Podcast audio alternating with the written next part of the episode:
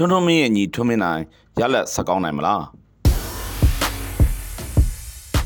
မေလ12ရက်နေ့မှာမြန်မာပြည်သက်တွေအတွက်ရင်ခုန်စရာမွေတိုင်းစင်ခေါ်ပွဲစဉ်တစ်ပွဲရှိလိုနေပါတယ်ဒီပွဲစဉ်ကတော့ထွန်းထွန်းမင်းရဲ့ညီထွန်းမင်းနိုင်ခေါ်ဇိုလာမန်လုတ်ဆူအန်ထိုးသတ်မဲ့ပွဲစဉ်ပါပဲထွန်းထွန်းမင်းရဲ့ညီဖြစ်သူဟာအလားအလာကောင်းတွေကိုပိုင်ဆိုင်ထားသူဖြစ်သတ်မှတ်ခံထားရပါတယ်ထိုးကွက်ထိုးပေါက်ကောင်းလာတဲ့အတွက်ထွန်းမင်းနိုင်ကိုစောင့်ကြည့်ရမယ့်မွေတိုင်းလက်ဝဲသမားလို့ပြည်သက်တွေကယူဆထားပါတယ် ဒီပွဲစဉ်ကိုမေလ12ရက်နေ့မြန်မာစံတော်ချိန်ည9:00နာရီအချိန်မှာရှင်ပြိုင်ထိုးသက်စေမှာပါ။ One Championship ကကြီးမှုကျင်းပပေးတဲ့ One Friday Fights 16ရဲ့စိန်ခေါ်ပွဲစဉ်တစ်ပွဲအဖြစ်ထုံးမင်းနိုင်ကထိုင်းမွေထိုင်းကစားသမား Pitex ဆော်တပ်ပါရက်နဲ့ထိုးသက်ရမယ်လို့သိရှိရပါတယ်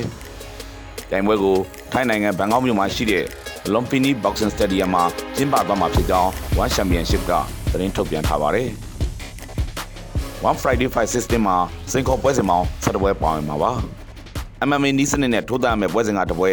Kick Boxing နည်းနဲ့ထိုးသတ်ရမယ့်ပွဲစဉ်ကတစ်ပွဲငွေထိုင်းနီးစနစ်နဲ့ထိုးသတ်ရမယ့်ပွဲစဉ်က9ပွဲပါဝင်မယ်လို့သိရှိရပါတယ်။ထုံးမင်းနိုင်နဲ့ Pitex ဆော်တပ်ပါရက်တို့ဟာ135ပေါင်တန်းတွေဖြစ်ကြပါတယ်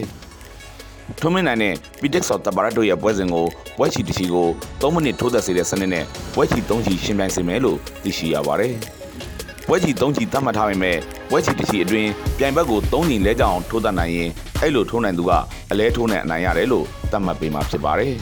။ထုံးမင်းနိုင်ဟာအခုမတိုင်ခင်ရှောင်းငေါနဲ့ထိုးတတ်ခဲ့တဲ့ပွဲမှာအလဲထိုးရလက်နဲ့အနိုင်ရထားသူပါ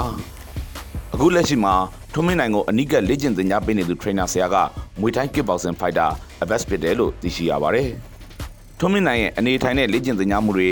လိမ္မာပါနတ်မှုနဲ့ရုပ်ကျိုးမှုတွေကိုဆရာဖြစ်တဲ့အဘတ်က အယမ်းမဲ့သဘောကျနှိမ့်ချိုက်လို့သူ့မှာရှိတဲ့ပညာရက်တွေအကုန်လုံးကိုတစ်ခုမကြံသင်ကြားပေးနေအောင်မြင်မှုရအောင်အနိကပြည့်စုံပြိုးထောင်ပေးနေတာလို့သိရပါတယ်။ရှောင်းကောင်းတဲ့ပွဲတုန်းကအကောင်းဆုံးထိုးသက်ချက်တွေနဲ့အတူအောင်ပွဲရအောင်ပြခဲ့တဲ့ထွန်းမင်းနိုင်ဟာအခုပွဲမှာလည်းသူ့အတွက်ရောမြန်မာပြည်ကပြည်သက်တွေအတွက်ပါနောက်ထပ်နိုင်ပွဲတစ်ပွဲရအောင်ပြလေဦးမလားဆိုတာကတော့စောင့်ကြည့်ကြရတော့မှာပဲဖြစ်ပါတယ်ခင်ဗျာ။